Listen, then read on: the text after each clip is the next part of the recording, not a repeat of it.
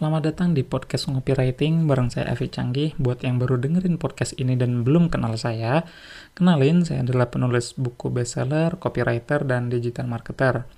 Untuk belajar lebih banyak lagi bareng saya, Anda bisa ikuti email course gratis dari saya. Jadi selama tujuh hari saya akan mengirimkan email kepada Anda tentang bisnis online dan marketing. Selengkapnya, silakan kunjungi avicanggi.com garis miring belajar bisnis gratis. Oke, di episode kedua ini kita akan bahas tentang cara dapetin ide tulisan. Jadi ceritanya saya ngajarin orang gitu ya untuk bisa nulis copywriting. Ya, saya setelah ya kurang lebih lima tahun jadi copywriter, bisnis online, nulis gitu ya. Akhir-akhir ini saya sering, terutama tahun 2019 ini ya, alhamdulillah sering diundang ke mana-mana juga Makassar, Jambi, Lombok, Surabaya, Jogja, Bandung, dan kota-kota lainnya. Ngebahas apa? Ngebahas tentang gimana caranya bikin copywriting. Dan setelah saya ngajar gitu ya ke mana-mana, suka minta feedback kira-kira H plus 7 gitu ya. Kira-kira apa kendalanya lagi? Atau bahkan saat training gitu ya, saat training saya nanya gitu kan, sebenarnya permasalahan kalian apa sih untuk bisa nulis copywriting? Dan mayoritas ini adalah masalahnya. Ya jadi ide.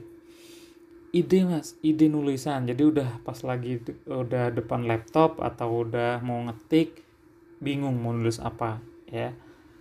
Nah ini menjawab ini saya eh, gampang-gampang uh, susah ya. Jadi gampangnya saya sebutin dua kali karena gampang-gampang susah memang gampangnya lebih banyak gitu ya.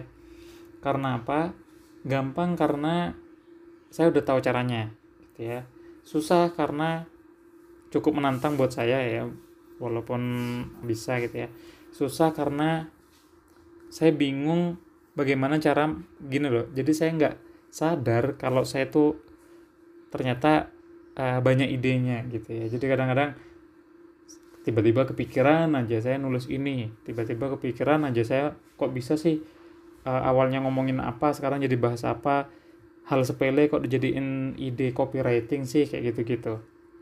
Nah kadang-kadang saya tuh nggak sadar gitu kok saya punya ide seperti ini gitu. Sampai saya nemukan bahwa ternyata ide itu ada impulsnya ya. Dan kali ini saya akan share tiga cara dapetin ide. Jadi ide yang kelihatannya spontan buat saya itu ya itu ternyata ada penyebabnya ya kalau misalkan dibikin perumpamaan itu teman-teman bayangkan kalau misalkan uh, lagi masak gitu ya. Jadi makanan itu atau masakan gitu ya itu adalah hasil ya. Ternyata ada prosesnya yaitu memasak. Nah kalau ide ini yang saya sampaikan tiga hal ini ya yang akan saya sampaikan ini adalah prosesnya adalah uh, cara mendapatkannya. Satu adalah ngobrol dengan prospek ya. Jadi copywriting itu ya kalau misalkan anda posting gitu ya di Facebook, di YouTube, di Instagram itu kan komunikasi satu arah dari anda gitu ya. Jadi oke okay, uh, saya jualan hijab kelebihannya adalah ini ini nih atau saya jualan tools kelebihannya ini ini nih fitur ini fiturnya ini ini nih gitu. Jadi satu arah. Kadang-kadang kita nggak mem memperhatikan gitu ya respon dari si pembaca kalau misal berupa online itu adalah komen. Jadi kita posting apa di komen apa. Kalau misalkan kita posting atau broadcast di email itu reply-nya atau balas emailnya tuh seperti apa? Respon dari orang. Mungkin broadcast di WhatsApp juga ya. Kita broadcast kita nggak memperhatikan apa namanya di balasnya itu seperti apa ya. Entah itu mungkin hal sepele misalkan ini produknya udah BPOM belum? Ya. Ini produknya udah halal belum? Terus yakin nih bisa menghemat bahan bakar misalkan? Atau hijab ini bahannya apa ya? Kainnya bahannya apa ya? Kayak gitu. Ya. Itu adalah feedback ya. Jadi ketika kita ngobrol dengan prospek maka hasil obrolan itu sebenarnya bisa dijadiin ide copywriting sebagai contoh ya, saat saya jadi distributor BR Kosmetik gitu ya, sebuah perusahaan skincare di Indonesia, saya pengen ngajakin orang untuk join reseller gitu ya. Jadi copywriting yang saya tulis adalah mengajak orang agar join reseller bareng saya karena saya distributor gitu ya. Jadi saya nyari reseller. Ingat ya, saya nyari reseller bukan jualan produknya ya. Saya jualan ibaratnya ya tanda kutip peluang usahanya. Nah, ketika saya mulai jualan gitu ya entah itu saat saya ngeblas atau saya ngeblas itu maksudnya broadcast gitu ya nyebarin ke banyak orang atau hasil obrolan cara japri-japri yes jadi obrolan saya dengan seseorang gitu ya saya nawarin maka saya dapat ada salah seorang cowok ya DM di Instagram ragu bahwa dia bisa nggak sih jualan skincare? Kayak gitu. Nah ketika ya setelah saya japri sama dia gitu ya menjawab keraguannya maka jawaban saya saya jadiin copywriting ya. Jadiin copywriting beberapa alasan cowok bisa jualan skincare. Nah habis itu saya jelasin tuh detail nah sehingga informasi yang saya sampaikan ke satu orang dari DM Instagram tadi bisa dibaca lebih banyak lagi di postingan saya ya Ingat ya, hasil obrolan bisa jadi ide copywriting. Nah, ini bisa Anda praktekkan. Jadi ketika Anda mengalami hal yang sama seperti kebanyakan orang ya, bingung mau nulis apa, cobalah ngobrol dengan prospek Anda. Itu satu. Ya, yang kedua, membayangkan betapa ruginya kalau nggak pakai produk Anda. Ya. Setelah membayangkan, maka tuangkan itu dalam tulisan. Ya. Contoh, ini studi kasus saja ya, biar teman-teman makin kebayang Contoh saat saya jualan affiliate produk digital yaitu software auto leads ya. Salah satu fiturnya ya. Ini penting juga ya buat teman-teman pelajari. Jadi walaupun banyak fiturnya tapi sampaikan beberapa aja yang sekiranya cocok ya dengan target market kita. Nah, salah satu fiturnya adalah auto unfriend dan add friend teman tertarget di Facebook. Ya, saya jualan di Facebook karena engagementnya bagus ya, maksudnya dia terus ini dipakai di Facebook, maka saya menargetkan orang yang jualan di Facebook gitu. Ketika saya membayangkan gitu ya betapa ruginya kalau nggak pakai produk ini gitu kan, maka ide postingan saya adalah cerita seorang ayah yang nggak punya waktu sama keluarga karena sibuk dengan hal-hal sepele yang sebenarnya bisa dilakukan oleh robot.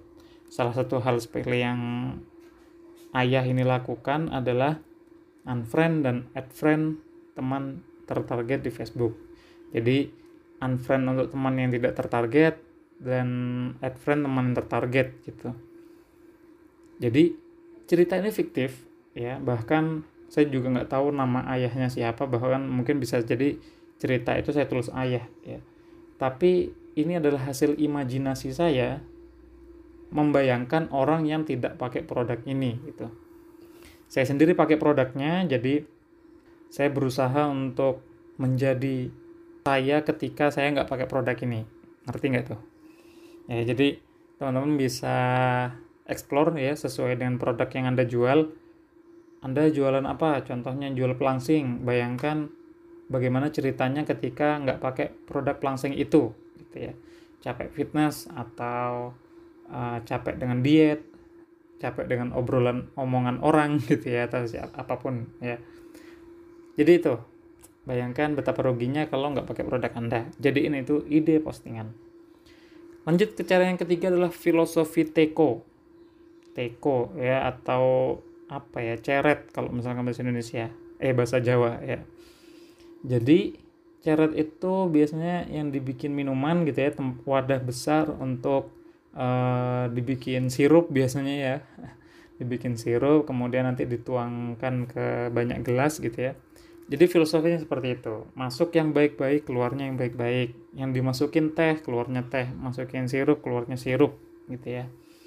Jadi tulisan adalah output bacaan adalah input. Jadi tulisan adalah apa yang keluar dari diri kita bacaan adalah apa yang masuk ke diri kita gitu ya. Jadi tidak bisa dipungkiri gitu ya, tidak bisa dihindari bahwa penulis kudu banyak baca ya. Entah itu baca apa ya, baca postingannya orang lain, scrolling gitu ya tapi scrollingnya jangan kelamaan ya biasanya susah berhentinya gitu ya. Rekomend banget harus baca buku ya perbanyak baca buku. Atau nonton YouTube ya memang bukan baca tapi YouTube yang berfaedah ya yang isinya ilmu gitu ya. Itu juga menambah wawasan buat kita ya sehingga bahan untuk kita tuliskan itu ada ya. Kadang kita jadi kepikiran ya wawasan itu ya. Jadi kita kepikiran apa yang orang lain nggak kepikiran. Contoh saya saya bikin copywriting untuk produk snack gitu ya. Nah saya bahasnya apa? Bahasnya temen nongkrong gitu ya. Temen nongkrong makanannya snack. Nah nongkrongnya ini ya kata nongkrong itu banyak banget cerita yang menarik gitu. Nah itu bisa saya dapatkan dari YouTube gitu. Nah orang lain nggak kepikiran ya. Kebanyakan kalau misalkan jualan snack tulisannya adalah komposisi atau bahan baku dan lain-lain ya. Dari segi kesehatan dari segi kehalalan nggak salah copyright tentang itu tapi orang kadang butuh tulisan yang berbeda gitu ya. Bahas nongkrong tapi ujungnya jualan snack. Nah itu gimana jadi teman nongkrong dan sebagainya nanti kita bahas ya. Jadi seperti itu nambah wawasan. Terus satu lagi adalah dengerin podcast ya. Jadi podcast itu kelebihannya adalah bisa dikonsumsi sambil nyambi yang lain ya. Jadi kalau misalkan materi ini saya sampaikan berupa tulisan itu anda harus standby mata anda ngeliatin tulisan saya ya. Atau berupa video pun sama ya. Walaupun bisa didengerin kadang ada uh, yang visualnya harus diikutin. Tapi kalau podcast anda lagi nyetir gitu ya ada lagi di kendaraan yang nggak boleh nonton gitu ya nggak boleh baca juga maka podcast adalah solusi ter terbaik buat anda gitu ya. Untuk apa? Untuk memberi input buat otak anda sehingga apa yang dari otak Anda itu menghasilkan tulisan. Oke, jadi poin pentingnya adalah tiga hal tadi. Bagaimana mendatangkan ide tulisan adalah ngobrol dengan prospek, bayangin ruginya kalau nggak pakai produk, dan perbanyak baca. Oke, semoga bermanfaat. Ya, itu aja dari saya.